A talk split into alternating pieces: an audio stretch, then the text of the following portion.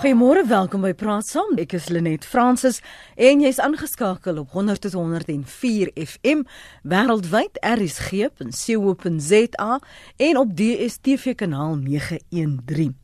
Nou die minister van staatsveiligheid, David Moshlobo, het ontken dat misdaadintelligensie misluk het en dat dit die rede is waarom 20 skole in Wuwani in Limpopo aan die brand gesteek is. Intussen het die minister van samewerkende regering, David van Rooyen, gesê die regering kan nie die besluit van die munisipale afbakeningsraad oor die samesmelting van Wuwani en Malemolele in Limpopo omkeer nie. Vanoggend kyk ons dus na protesoptogte. By wie se deur vee ons die as van uitgebrande skole, motorbande en beskadigde eiendom, nasionaal, provinsiaal of die plaaslike munisipaliteit. Ons gas vanoggend is professor Andre Dievenage. Hy's 'n politieke ontleder by die Noordwes Universiteit uh, se Potch kampus. Goeiemôre prof, welkom. Môre Lenet.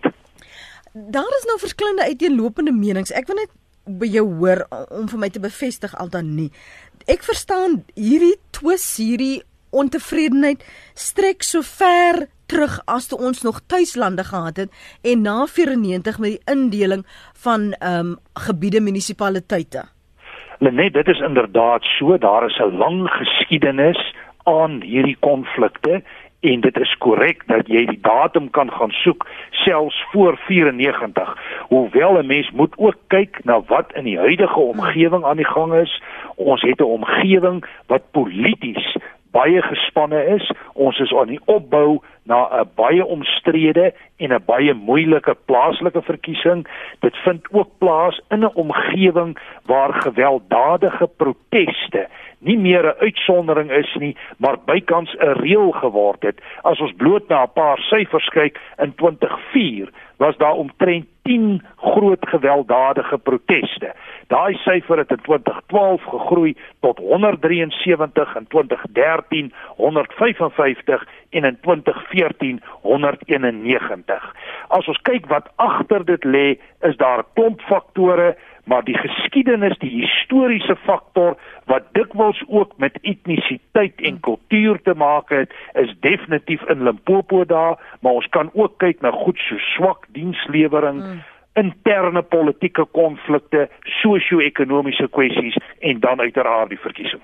Ons kan ons kan nou ek het so vinnig moontlik nou probeer skryf om terug te kom na al dit.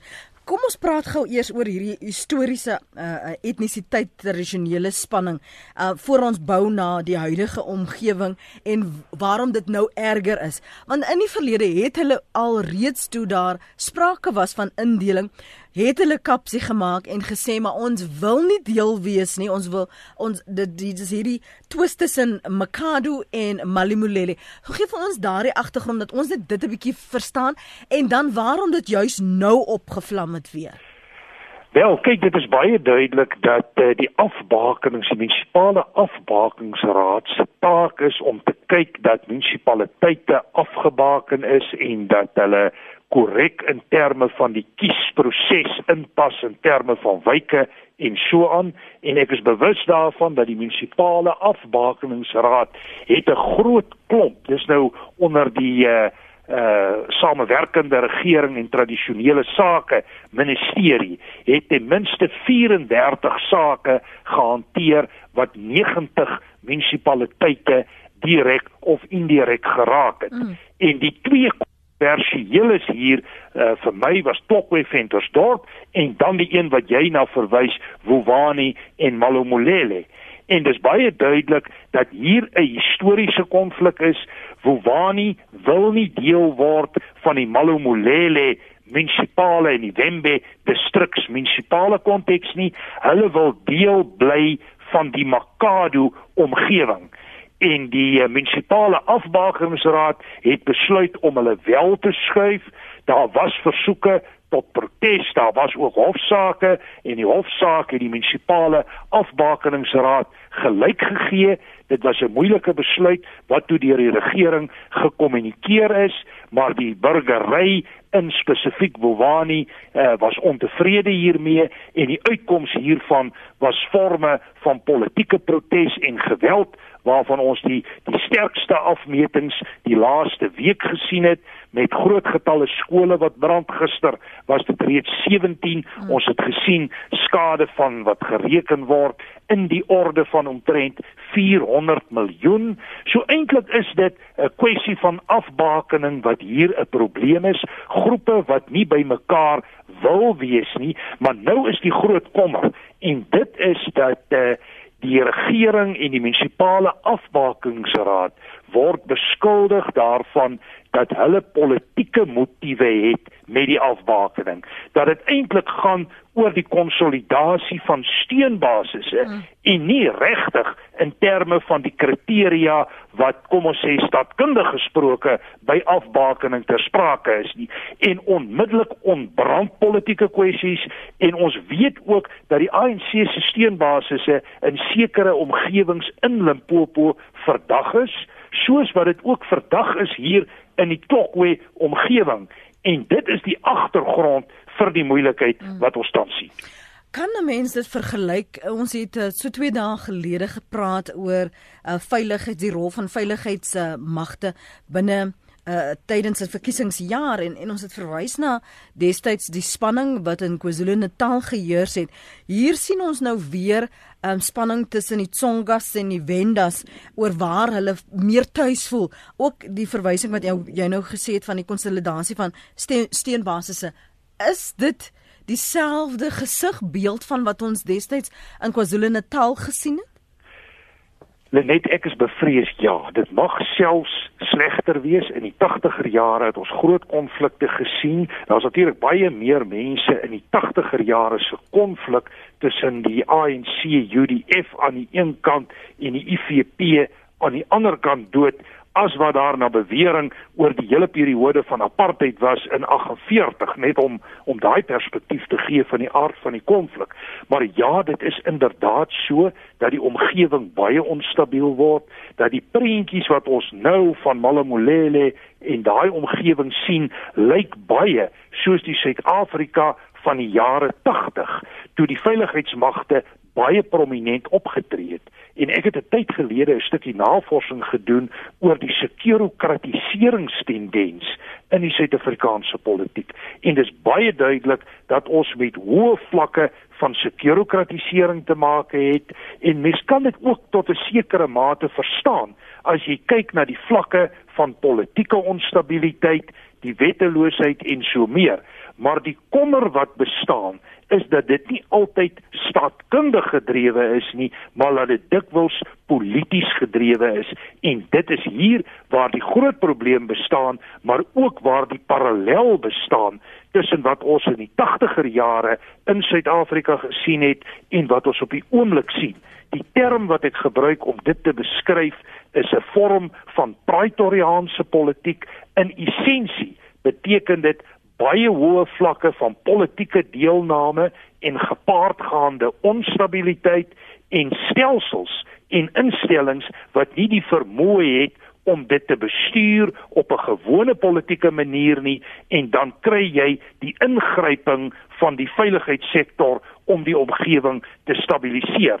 Maar die potensiaal hiervan is dat jy die tipe Marikana insidente kan skep en ons weet dit is weer die tipe goed waarop die EFF en meneer Julius Malema kapitaliseer. In die sin is ons in 'n redelike problematiek en dit letterlik enkele maande voor 'n redelike omstrede verkiesing waar ons weer die hof ook in enkele dae vir ons uitspraak moet gee oor die verifisering van adresse. Mm, so hierdie mm, pakket mm, is 'n moeilike pakket om mm. te bestuur. Sjoe, daar's nou so baie dinge wat ons nou vinnig moet na kyk. Een daarvan veiligheidsmagte. Ons praat oor David Mashlobe wat ontken dat misdaadintelligensie misluk het. Dan in die verlede met ehm um, optogte uh, en wanneer daar uh, um, geweld was, het ons dikwels gehoor daar's 'n derde die die teenwoordigheid van 'n derde mag, 'n onsigbare derde mag. So, hoe speel hierdie in op wat ons tans sien afspeel in in ons munisipaliteite? Net die grens tussen kom ons sê politieke wanoptrede en misdaad is nie vir my altyd duidelik nie. Die groot vraag natuurlik is 'n politieke handeling kan jy nie heeltemal gelykstel aan 'n misdaadhandeling nie. Maar dikwels is die pakkette wat ons kry in hierdie omgewings kombinasies van goed wat met die politiek enerzijds te maak het en met misdaad anderzijds. So dis weer eens 'n moeilike lyn hier om te trek dat hier definitief misdaad betrokke is is so, maar om die hele politieke proses wat ons hier sien uitspeel in Malomolele en omgewing net as 'n misdaad te beskryf is ook foutief. Hier is definitief politieke kragte en ek dink op 'n manier moet die politieke konteks ook aangespreek word. En ons het die laaste dag of wat gehoor dat daar taakspan saamgestel word. Ek dink meneer Des van Rooyen was ook gister daar hmm. en ook tradisionele leiers en ander groeperinge. So die antwoord hiervoor wat my aanbetref lê primêr polities. Nou weet ons die afbakeningsraad kan nie hulle besluit terugkeer uh, kort voor 'n verkiesing nie. Dit is problematies. In daai sin sit ons hier met 'n redelike skaakmat situasie. En ek dink die enigste manier hier is om maar te kyk of jy kan onderhandel en dan ondernemings gee en kyk hoe mense die proses kan bestuur in die opbou na die verkiesing want as dit die omgewing is kan daar bepaald nie 'n vrye en regverdige verkiesing wees nie maar my vermoede is dat hier probleme is wat ook na die verkiesing bestuur en hanteer sal moet word. Jy het net nou verwys na sommige nie net politieke partye nie maar gemeenskappe wat uh, praat van dis 'n konsolidasie van stembasisse en steunbasisse um, wil jy daarmee suggereer dat die afbakeningsraad gekaap is vir politieke agendas? Wel, mens kry daai indruk in sekere omgewings dat politieke en spesifiek partytetiese motiewe 'n belangrike rol en volgens oppositiepartye soms 'n deurslaggewende rol speel in die afbakening van kiesafdelings. Ek weet jy was byvoorbeeld in Klokwe Potchefstroom ook so kontroversie en die demokratiese alliansie het redelike probleme daarmee gehad. En die argument wat ons hier in Klokwe Potchefstroom voer is dat die ANC steunbasisse in Klokwe self is onder druk. Dit is nie 'n uitgemaakte saak dat hulle die verkiesing gaan wen nie. Ons weet in die verlede was daar forme van korrupsie waar stemme ingery is van die omliggende omgewing om te gaan stem. Dis waaroor die hofsaak dan nou uitspraak ook gelewer het en nou is die kommer wat gaan gebeur in die 3 Augustus verkiesing en die argument wat gevoer word is dat Ventersdorp nader getrek moet word ten einde die ANC te help om sy magsbasis in Klokwe te help konsolideer en dieselfde argumente het ek ook opgetel wat Manomolele en Wowani aanbetref in die Limpopo omgewing. Ek moet net sê dat dit nie uitsonderlik is aan die Suid-Afrikaanse politieke konteks nie. Ons het voorbeelde hiervan ook gehad in die apartheidstyd eh, toe daar gestem is onder die blanke groepering en ook onder die bruin en indiërs vir 'n tyd. En natuurlik is dit ook maar 'n praktyk wat jy in ander kom ons noem dit nou maar enkel lid kiesafdelings kry waar die staatsstrukture die mag het om kom ons sê herafbakening te doen om 'n kiesafdeling te laai of minder te laai dikwels tot voordeel van die regerende party. So ja, ek dink 'n mens moet dit in daai konteks lees en ek is bereid om te sê dat dit deel van die moeilikheid is wat hom nou in Limpopo uitspeel. Vroeg vanoggend toe jy nou vir ons terugneem na die gewelddadige protesoptogte vanaf 2014 tot ekskuus tog 2004 tot 2014 professor het dit aanvanklik met 10 begin en toe gaan ons na die 100 spring ons na die die 100s toe na 2012 en jy het net nou genoem behalwe die historiese geskiedenis wat baie van hierdie konflik het is daar hierdie swak dienslewering wat ons sien en die eh, interne politiek die sosio-ekonomiese omstandighede help ons om daardie omstandighede beter te verstaan sodat ons dalk die volgende verkiesing beter kan verstaan. Lenet ja, inderdaad is daar gewoonlik 'n kompleks van faktore wat hier 'n rol speel en dit kan 'n bietjie verskil van een plaaslike omgewing na die ander plaaslike omgewing, maar kom ons kyk na 'n paar sake. Een van die groot gemeene delers is swak dienslewering. En dit maar verband met die munisipaliteite en ander plaaslike strukture se onvermoë om behoorlike basiese dienste te kan lewer, goed soos water, elektrisiteit, sanitasie, die bou van huise en so meer. Dan 'n faktor wat ek baie sterk opgetel het en destyds toe hierdie proteste begin het, was ek ook deel van 'n groep wat hier 'n ontleding gedoen het en dit was vir ons duidelik toe vir al daai proses in die Vrystaat uitgespeel het dat interne politieke konflikte binne veral die regerende party, die ANC daai tyd, 'n baie groot faktor in die proses was. En dikwels het ontevrede groepe van binne die ANC teen hulle eie regering gemobiliseer en daardeur basisse gebou en verder ontwikkel. Nou daai patroon het plaasgevind en hy's ook bevestig buite die Vrystaat, maar wat belangrik is dat ander oppositiegroeperinge het ook aan daardie proses begin deelneem en eintlik het ons 'n uh, begin om 'n kultuur te ontwikkel van gewelddadige protes. As iemand ontevrede is, dan neem jy deel aan gewelddadige proses. En ek is bevrees dat waar die regering en die ANC in die verlede deel van hierdie optogte en betogings was, begin hulle toenemend beheer daarop verloor. Ons het 'n vergelykbare proses gesien binne universiteite met Feast Must Fall mhm. wat aanvanklik begin het vanuit kom ons sê jou Saskou geleedere en later het dit uh, eintlik oorbeweeg dat ander groepe die beheer begin oorneem het. En ek is bevrees wat ons met tye hier in Gauteng gesien het aan die rand hier by Tekosa en die plekke en wat ons nou sien in Limpopo is nie meer regeringsbeheer nie. Hulle het beheer verloor op daai proses. So daar's 'n problematiek. Dan moet ons natuurlik ook onthou dat daar geweldige sosio-ekonomiese uitdagings op plaaslike vlak is. Ons dink hier aan armoede. Syfers wys vir ons dat tot 50% van die bevolking uh, verbind kan word aan forme van armoede, ons dink aan hoë vlakke van werkloosheid, mens dink aan algemene omstandighede wat sleg is. En dan natuurlik wanneer jy kom by 'n verkiesing, mm. dan bring dit onsekerheid binne jou stelsel.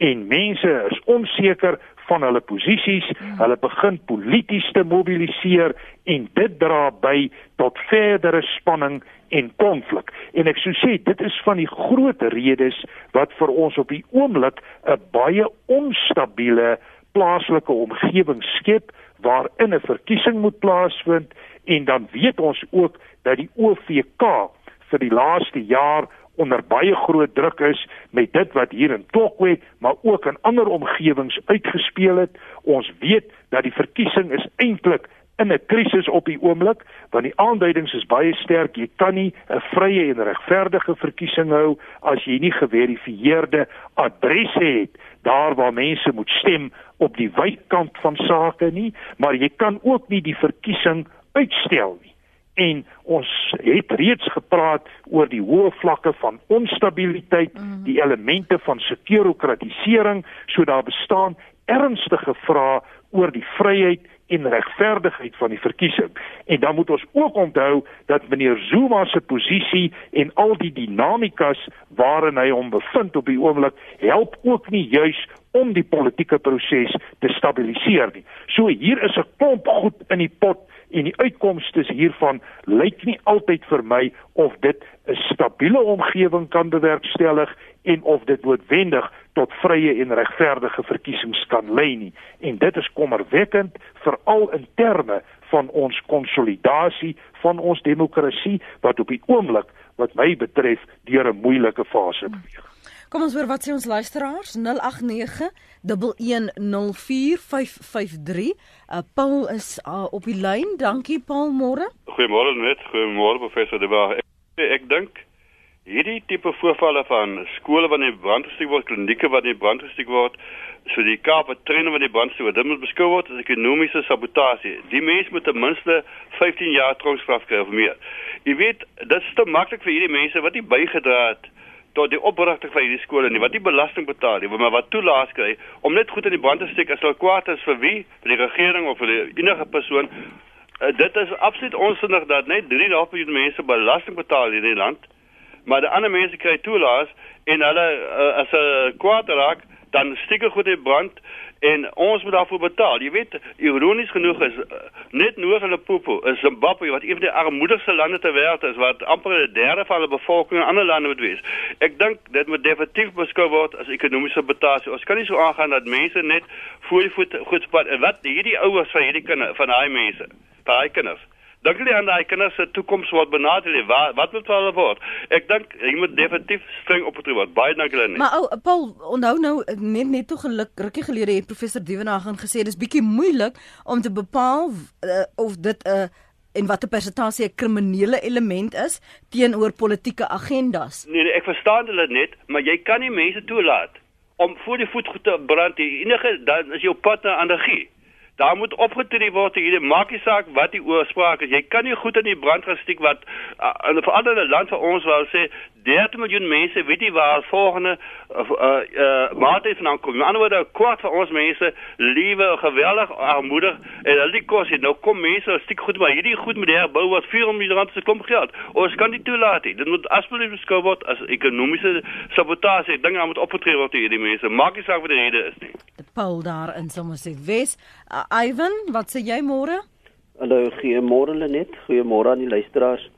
Lenet, ek dink een uh, rede van hoekom ons so baie protes uh, opdigte het is is dat uh, op plaaslike vlak uh, kies mense nie meer hulle verteenwoordigers in hulle dorp nie. In ander woorde, die demokrasie wat daarvoor beklei was, is nou weggeneem van mense af. Byvoorbeeld as jy nou kyk uh, na partye, partye stel nou hulle verteenwoordigers aan in hulle dorpe. Mm maar die mense self in die dorp, die belastingbetaler, die persoon wat bydra tot die koffers van die dorp, hulle het nie 'n sê wie hulle dink moet hulle dorp bestuur nie hulle net. En ek dink daardie is is is 'n groot 'n probleem vorentoe. Ehm um, want ek sê soos ek sê as jy weet dit gaan oor demokrasie, die mense, the the people shall govern. Nou as as as mense in jou dorp nie meer kan kies wie jou dorp moet bestuur nie, maar iemand byvoorbeeld in in in in uh, Kwakwa of in in waar ook al sit in byvoorbeeld in 'n provinsiale regering en hulle besluit hoor jy sommer ons gaan nou vir koers aanstel um, in 'n dorp in. Dan het die mense nie meer regeer nie hulle net maar 'n partye dan nou besluit. En dit kan net vorentoe kan dit net vir ons baie nadelig wees en dit kan ons demokrasie heeltemal van ons uh, wegneem. Mm. Dankie vir jou jou bydrae daar. Kom ons hoor wat het WP op jou hart? WP? Môre Lenet. Môre. Uh ehm um, ek wil sommer net gou-gou sê ek luister elke dag baie baie aandagtig na julle programme en ek en ek en ek waardeer al die slim mense wat daar so praat die akademici soos hulle sê hoe hulle dit goed analiseer maar ek dink daar's 'n onderliggende probleem oor die algemeen in ons land dat uh laat die die die mense is arm en hulle kan nie verstaan hoekom nie. Dit is maar dit is maar dit is maar die onderliggende probleem met alles. Hmm. Ehm um, en ek dink nie die, die regering stuur vir hulle heeltemal die regte boodskap nie. Ehm um, ek kry maar net die gevoel dat eh uh, dat hierdie mense uh, kry maar net die hele tyd die, die die die die boodskap dat hulle is arm as gevolg van hmm. goed wat gebeur het en nie nie nie ehm um, nie die regte redes nie.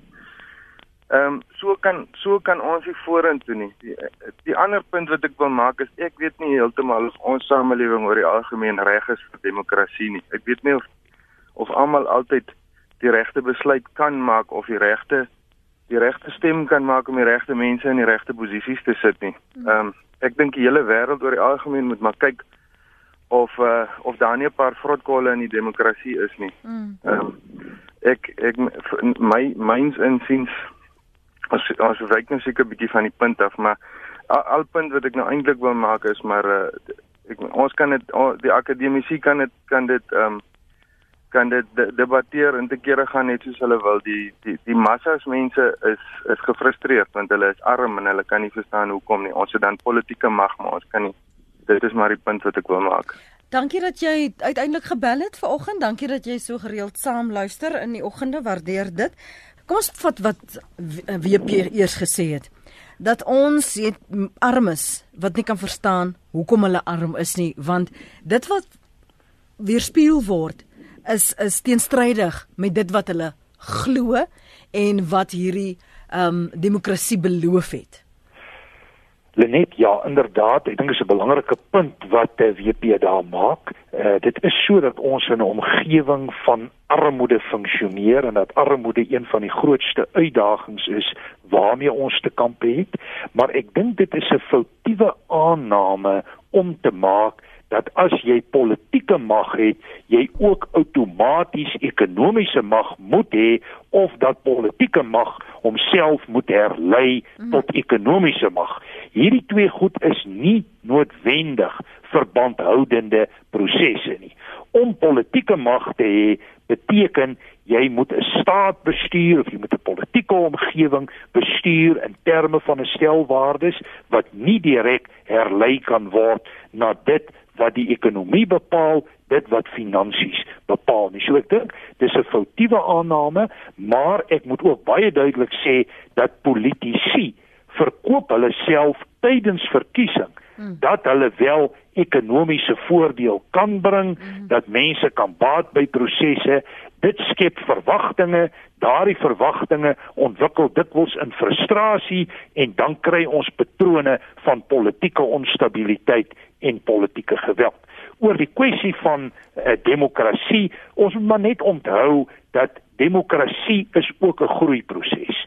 Ons is 'n jong demokrasie. As jy kyk na die Britse demokrasie wat ontwikkel het sedert die tyd van die Magna Carta omtrent 1215, dan sien ons 'n baie lang historiese proses. Ons proses is baie korter en ek dink mense moet nog geleidelik groei in die omgewing van demokrasie en so moet ons bou op dit wat in die verlede gedoen is en die demokrasie tot verdere hoogtes neem. Ek dink daar is goeie grond in die verlede gelê waarop ons kan bou dat ons nog nie daar is nie. Is so, maar ek is bereid om te sê die opskorting van demokratiese prosesse gaan ongetwyfeld baie meer problematies wees. Die Paulus verwys na die ekonomiese sabotasie en gesê dat ongeag die redes vir wat hierdie politieke geweld wat ons sien, gewelddadige geweld wat ons sien, dat dit nog steeds daar moet opgetree word. En dan wil ek jou terugneem na die minister van staatsveiligheid David Mashlobo wat ontken dat misdaad intelligensie misluk het. Dat ons sien hierdie taakspanne, maar niemand kry regtig iets uitgerig nie. Is is ons korrek om te sê dat intelligensie ons faal in hierdie proses? Goed, kom kom ons begin by by die eerste ene oor die kwessie van sabotasie. Ek stem met Paul heeltemal saam. Ons kan nie toelaat dat die burgery die infrastruktuur en dit waaraan ons met moeite gebou het vernietig in terme van revolusionêre en politieke onstabiele prosesse nie. Ek dink daar moet baie sterk daarteen opgetree word.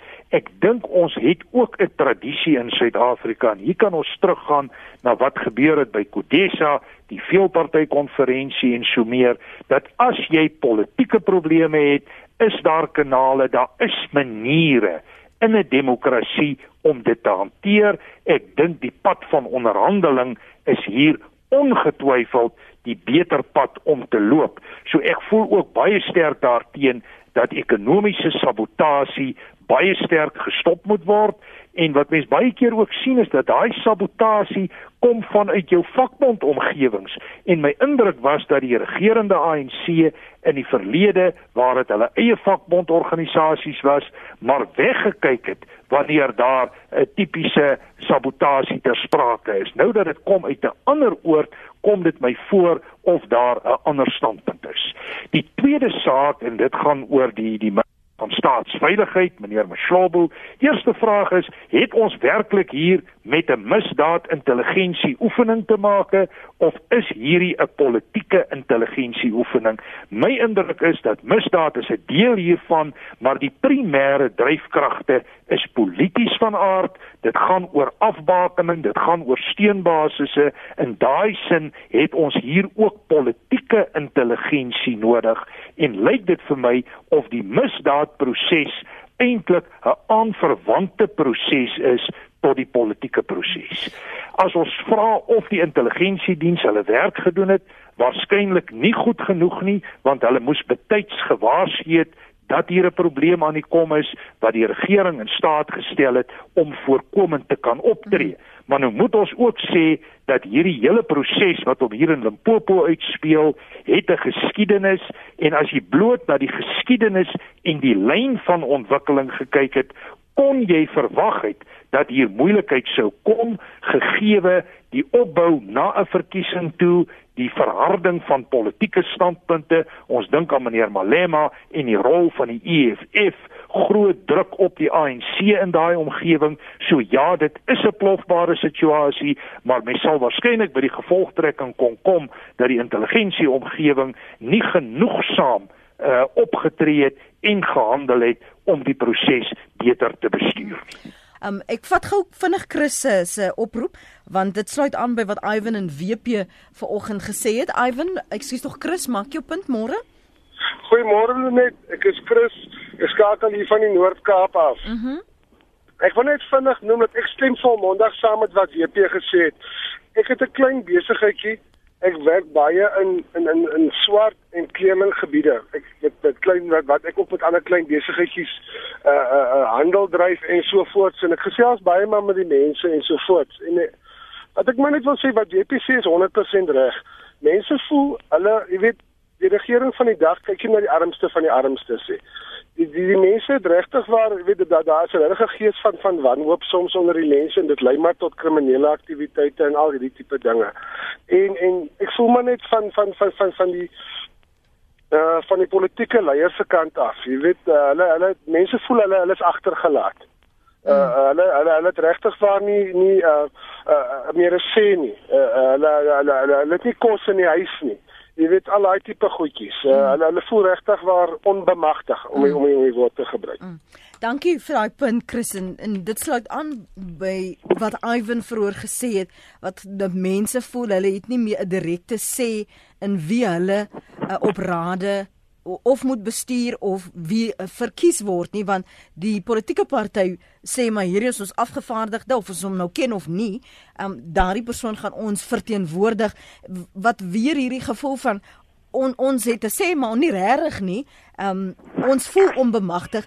Nou nou wil ek jou na aanleiding van wat Ivan gesê het en hulle kan nie direk um, sê wie hulle moet verteenwoordig nie. Watter sê het 'n munisipaliteit dan? Uh, of hy wil of nie wil saamsmelt as die afbakeningsraad 'n besluit gemaak het nie. Wel uh, dit is 'n uh, moeilike proses. Kyk, daar's prosesse van besluitneming en daar was weerstand byvoorbeeld as ek weer kan terugkom hiervan uit die Klokway omgewing, maar die moment as jou politieke beheer dieselfde beheer is wat ook die staatsstrukture beheer, dan sit jy met 'n probleem en dan is dit eintlik maar oppositiepartye wat weerstand bied en word die standpunte eintlik maar gemarginaliseer soos wat ons gesien het in verskeie omgewings. Maar die gesprek wat Ivan en Chris aanraak hier, raak eintlik die wese van ons kiesstelsel. En die vraag is tot watter mate dra demokrasie by dat ons verteenwoordigers aanwys wat ons belange kan hanteer. En hier is beide Iwan en Chris ten minste gedeeltelik reg. Ons werk in 'n proporsionele stelsel, 100% eh, op nasionale en provinsiale vlak, maar net 50% op plaaslike vlak. Nou dit beteken dat jy stem vir 'n party en 'n party het 'n lys en hy stel sy eie lys van kandidaate saam. Burgery het dus nie regtig 'n groot sê wanneer dit kom by die samestelling van lyste nie. Dit is die prerogatief van die party.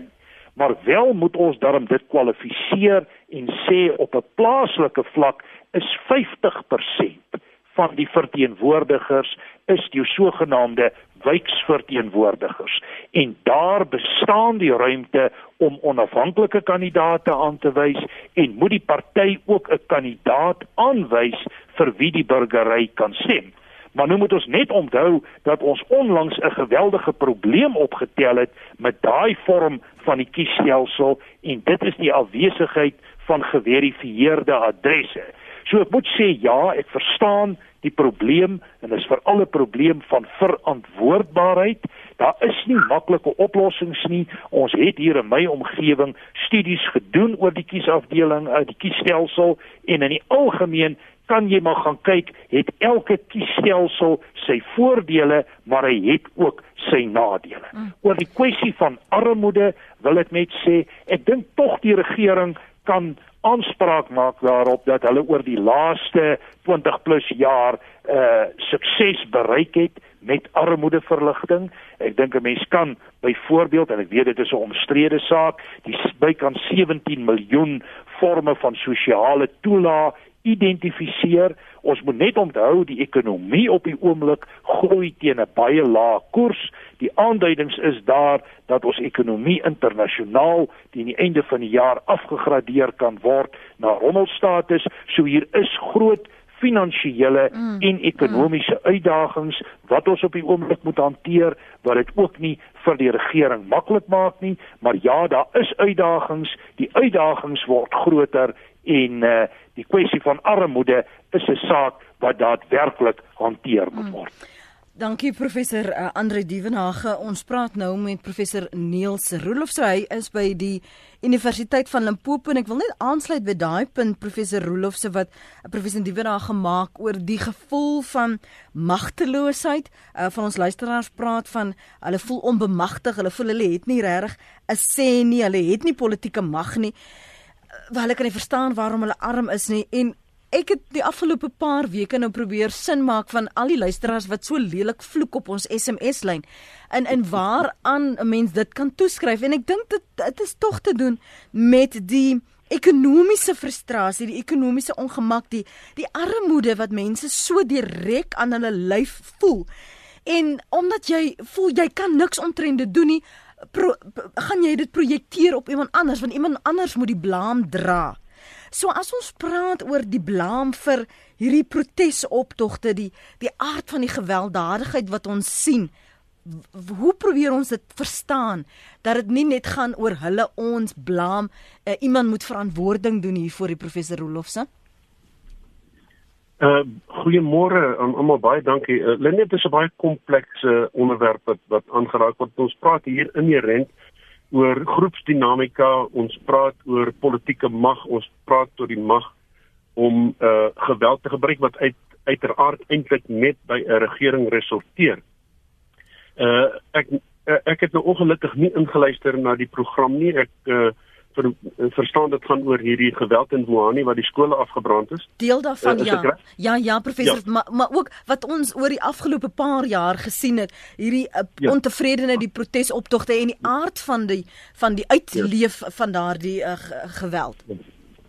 Ja, uh, ek dink wat ons hier uh, inherente maak uh, het is dat ons met 'n 'n groot gedeelte van die Suid-Afrikaanse bevolking sit wat uh onder of op die broodlyn lewe dat daar absolute verwagtinge geskep is dat uh, na 94 hierdie ongelykhede uitgeskakel gaan word en dat daar 'n uh, eh, opheffing gaan plaasvind uh, en ons weet nou al die stories van gratis huis en gratis water uh, swart bemagtiging en dis meer.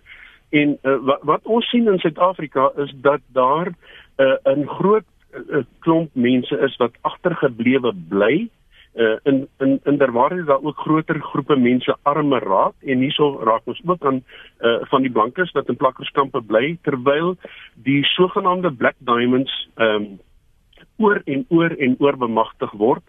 Die tweede ding is dus dat uh, die die rand vir rand investering in uh ontwikkeling en en infrastruktuur uh is waarskynlik nie hoër as omtrent 5% in die rand nie omdat groot gedeeltes geld deur korrupsie en hoë salarisse van staatsamptenare en uitgawes gespandeer word. So die gedeelte van die begroting wat afgewentel moet word na plaaslike vlak is druppeltjies uh, in in die emmer. Mm. Die ander uh, wat ekskuus. Niks ja. Ja, die ander punt wat ek wil maak uh, is dat onthou geweld is 'n vorm van onderhandeling. Met ander woorde, ek begin deur te praat, ek stem, uh, ek benoem my kandidaate, ek het 'n munisipaliteit, Uh ek het 'n verteenwoordiger, maar nou sien ek dat hierdie goed wat vir my beloof is en my aspirasies om opgehef te word bly agter. En nou begin ek ontevrede raak en ek het uh, optogte en proteste en omdat uh, daar 'n geweldskultuur in Suid-Afrika sê ek nou maar luister nou mooi. Omdat julle nou vir my luister nie gaan ek nou oorgang tot hierdie vorm van druk wat ek op julle wil toepas om deur geweld my sin te kry en om die beloftes wat jy gemaak het te probeer realiseer. Nou die die die ongelukkige probleem hierso is dat as jy 17 skole afbrand soos wat nou in Wuhani praat van 450 miljoen, waar gaan daai geld nou vandaan kom? Wat gaan word van daai leerders wat moet eksamen skryf? So 'n hele gemeenskap word nou lam gelê omdat mense hierdie laaste dimensie van onderhandeling toegepas het en sê ons wil nou soveel druk op julle sit uh dat dat ons oorgaan tot geweld. So ek dink daar's 'n klomp onderliggende dinamika van ontevredenheid uh van van korrupsie, van beloftes wat nie nagekom is nie. En uh dan die laaste punt wat ek wil maak net is dat onthou daar is gewoonlik ek sê nie uitsluitlik nie, maar gewoonlik ook uh onderstrominge van van uh, misdadigheid mm -hmm. en uh, elemente wat hierdie situasies uitbuit vir hulle eie gewin. Uh Nou uh, ek weet byvoorbeeld dat in in in die Limpopo gebied is daar sulke bendes soos uh, Boko Haram wat nou vir, nie net hulle swak nie uh, moslim georiënteerd nie, hulle noem hulle maar nou net self so. Wat sterk bewinde voer in hierdie plattelandse gebiede wat 'n groter invloed begin uitoefen. Dieselfde by by Musina uh dat groepe wat daar opereer uh wat floreer oor oorgrens uh, uh sluikhandel uh en en dis meer dat die polisie selfs uh, te bang is omdat hierdie mense in in in in in uh, you know uh, hoe sou ek nou sê om met hulle uh te vat. Nou uh, wat ek wel vir u kan sê is dat in Wuhan is daar 'n geskiedenis want die eerste afstigting het gekom van Malamulele wat hulle eie munisipaliteit wil hê wat onder die ou Toyando geval het wat uh, Tulame uh, ja Tulamela. Nou uh hierdie is 'n etniese ding. Er, jy kan maar gaan kyk, gaan praat met die mense op die grond, dis Wenda teen Changan. Die uh, die mense van Malamulele het gesê die Wendas van van Toyando sorg nie vir ons nie. Ons soek ons eie munisipaliteit. Mm -hmm. Nou het die ehm um, afbakeningsraad Wuhani wat uh, in in in Wenda uh, kultuur is gaan inlyf by uh, by Malamulele en nou is dit weer presies dieselfde spanninge wat uh, oorspronklik ontstaan het wat weer oopgekrap is. En hierdie etniese konflik lê in slymer daar en en speel 'n baie belangrike rol in die politieke dinamika van die gebied. Hmm. Baie baie dankie vir die kort kennisgewing dat jy kon saampraat professor Roloso waardeer jou insette. 'n uh, Lekker dag verder vir jou. Ons praat verder met professor Andre Duvenage en ek gaan jou vra om nou af te sluit professor so 3 Augustus gaan ons nog al hoe meer van hierdie soort uh, voorvalle sien, ongelukkigheid sien. Ons taak is om te kan onderskei tussen waaroor gaan dit? Gaan dit oor politieke gewin? Is daar ander agendas wat hier gespeel word? Wat is die geskiedenis? Wat is die omstandighede en ook 'n uh, omgewing skep waar ons na die mense luister? Lenet ja inderdaad. Ek verwag 'n redelike onstabiele uh, omgewing in die opbou tot die verkiesing. Ek dink hier gaan 'n groot aantal brandpunte wees. Sommige van hulle baie prominent in Limpopo en Prof Rolof se se ontleding daar is wat my betref reg. Die etniese kragte is definitief baie sterk maar ook hierdie kwessie van die disintegrasie van die samelewing in terme van syndikaate en groepe. Ons sien dit prominent in talle omgewings. So hier gaan brandpunte wees. Die vraag is hoe moet die kiesers hulle hanteer en posisioneer in die verband. En vir my is daar 'n paar reëls wat baie belangrik is. Die eerste is ons moet gaan stem. Ons het 'n verantwoordelikheid om te stem, om 'n keuse te maak, om ons toekoms in ons hand te neem. Dis die eerste aspek. Die tweede saak is ons moet nie aan gewelddadige forme van protes deelneem nie. 'n Verkiesing gaan juis daaroor dat mense op 'n nie gewelddadige wyse hulle stem kan laat hoor. Dan derdens, ek dink dit is baie belangrik en die burgers het almal daai verantwoordelikheid om te help bou om te kyk hoe ons groter verdraagsaamheid kan vestig. En ek dink dit is belangrik dat ons onsself moet sien as bouers van Suid-Afrika as mense wat konstruktief moet bydra. As dit die lyn is wat ons loop, dan kan dit te midde van die moeilike omstandighede 'n konstruktiewe uitkoms lewer. En ek dink dis baie belangrik vir ons land waar ons nou staan dat ons veilig deur hierdie verkiesing stuur, dat ons goeie mense aan die stuur kry om ook op plaaslike vlak 'n verskil te maak des nie teenstaande die omstandighede wat ons hier geïdentifiseer het. Baie dankie vir jou tyd vanoggend professor. Professor Andre. Lekker dag en lekker naweek vir jou. Professor Andre Duvenage is 'n politieke ontleder by die Noordwes Universiteit se Potchefstroom kampus. Erna van Pinetown skryf in haar 'n 4 punte sê sy is 1 te streng wetgewing, eh, entrepreneurs ly daaronder. 2 gekwalifiseerdes verlaat Suid-Afrika. 3 sê sy afwesige paas wat hulle kennis kon oordra aan hulle seuns en 4 die regering se ongebalanseerde houding mense voel verward. Baie dankie vir die afgelope week se saam luister, waardeer dit. Dankie vir die terugvoer uh, of dit nou op my e-pos is of of dit hier is. Ehm um, hier skryf Dion en dit dalk hier waar ons moet afsluit en volstaan. Hy sê die magtigste wapen is jou stem. Hoekom wil jy probeer om met geweld iemand te verseer om sy beloftes na te kom? Stem net vir iemand anders. Dan weet die verkoorse persoon hy moet sy werk doen, anders is hy uit. Die vrees om te verloor is groter as die vrees vir geweld en dis die punt wat Dion probeer maak, gaan stem en uh, wees wys wanneer jy daai stem keuse maak.